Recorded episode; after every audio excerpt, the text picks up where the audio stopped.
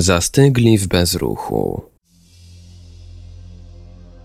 Hinduscy oraz egipscy fakirzy znani są z niezwykłych zdolności do stłumienia w sobie czynności życiowych. W ekstremalnych przypadkach mówiono nawet, że spędzali oni miesiące w stanie pozornej śmierci, po czym powracali do życia. Wiele tego typu przypadków odnotowali w erze kolonialnej Brytyjczycy. Sekretem tej głębokiej hibernacji były ćwiczenia pozwalające mistykom kontrolować umysł i ciało. Mówi się, że wielu joginów, fakirów czy szamanów jest w stanie kontrolować za pomocą umysłu czynności fizjologiczne, takie jak bicie serca, temperatura ciała, ciśnienie krwi czy oddychanie. Istnieją relacje o żyjącym w pierwszej połowie XX wieku Egipcjaninie Tachszebeju, który który potrafił na żądanie podnieść swój puls do 140 uderzeń na minutę, zwolnić go do 40 uderzeń, a niekiedy nawet całkowicie go zatrzymać. Podobne rzeczy potrafił inny fakir Hamid Bey.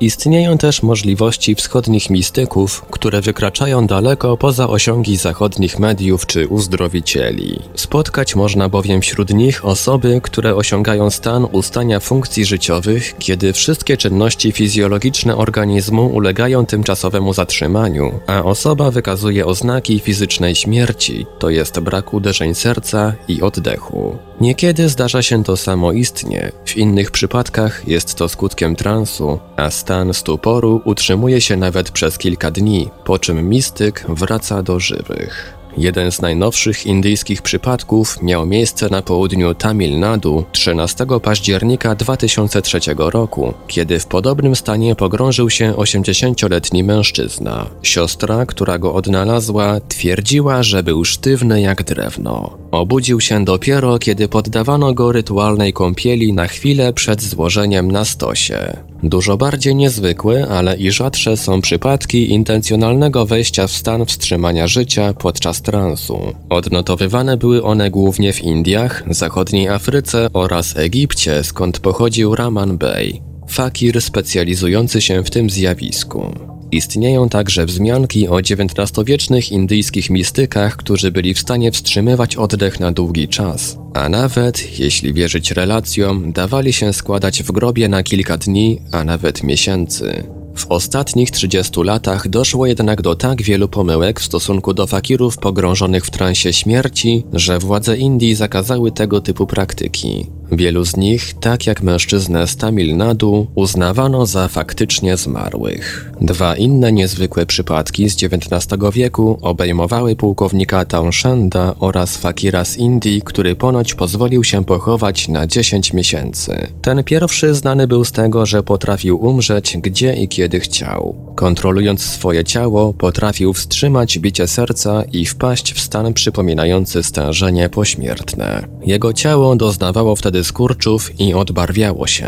Nawet oczy wydawały się martwe i zastygłe. Pułkownik mógł przebywać w tym stanie przez kilka godzin, po czym powoli wracał do życia. Niejaki dr Chain opisał to następująco. Może on umrzeć lub stłumić funkcje życiowe kiedy chce, a następnie przy pomocy siły umysłu, jak i ciała w jakiś sposób znowu powraca do życia. Pewnego razu trzech lekarzy zajęło się badaniem zdrowia Townshenda podczas wejścia w stan bezruchu. Jeden monitorował jego serce, drugi puls, a trzeci oddech, przystawiając lusterko do ust. Jak ustalili, w pewnym momencie aktywność jego organizmu dosłownie się zatrzymała. Byli oni przekonani, że mężczyzna nie żyje, jednak niedługo potem jego stan zaczął powracać do normy. Około 1838 roku gazety w Kalkucie pisały o fakirze, który był w stanie osiągać podobny, ale znacznie głębszy stan. Wielokrotnie demonstrował swój niezwykły talent rodakom, po czym poproszono go o pokaz dla Europejczyków. Kapitan Wade był przy tym, jak ciało mistyka ekshumowano 10 miesięcy po tym, jak pochowano je w obecności generała Venturi oraz grupy urzędników. Derwisz wcześniej przygotował się poprzez umysłowe ćwiczenia do stanu, w którym wyłączał po kolei poszczególne układy ciała. Wstrzymał trawienie, gdyż wydalał spożywane mleko w niezmienionej formie. Następnie zatrzymał się u niego oddech i bicie serca. Rzekomo nos zatkano mu woskiem.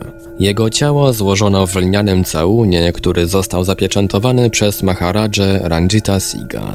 Następnie ciało umieszczono w drewnianej skrzyni, którą również zapieczętowano i złożono w grobowcu, nad którym ubito ziemię, a potem posiano owies. By zapobiec próbom oszustwa, na miejscu ustawiono strażników. Maharadża nie miał jednak zaufania do mistyka i w ciągu 10 miesięcy wykopywał go dwukrotnie, znajdując ciało w tym samym stanie, w jakim złożono je do grobu. Po ostatniej ekshumacji pierwszą rzeczą, którą zrobiono było umieszczenie języka fakira w poprawnej pozycji. Wcześniej był on sztywny i blokował gardło. Następnie jego ciało polano ciepłą wodą, a oczy i usta zwilżono. Do życia powrócił on dość szybko i nawet rozpoznał osoby, które mu się przyglądały. Jak twierdził, podczas stanu pozornej śmierci doświadczył serii niezwykłych snów i wizji. Dodał też, że bał się, iż pod ziemią jego ciało zaatakuje robactwo. Według relacji po wydobyciu ciała nie wykryto pulsu, a oczy mistyka były wygasłe jak u nieboszczyka. W późniejszym okresie mistykowi proponowano przeprowadzenie kolejnego testu, ale odmówił, co od razu wzbudziło podejrzenia o to, że poprzedni wyczyn był mistyfikacją.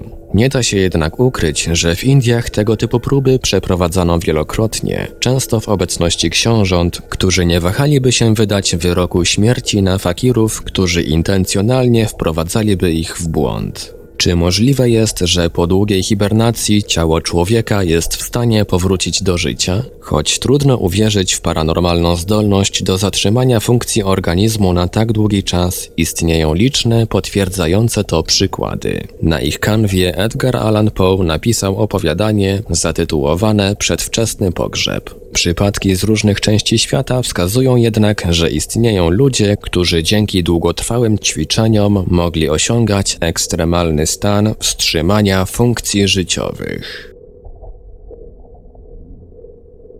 Autor Brian Houghton mysteriouspeople.com Opublikowano za zgodą autora. Tłumaczenie i opracowanie Portal Infra www.infra.org.pl Czytał Ivelios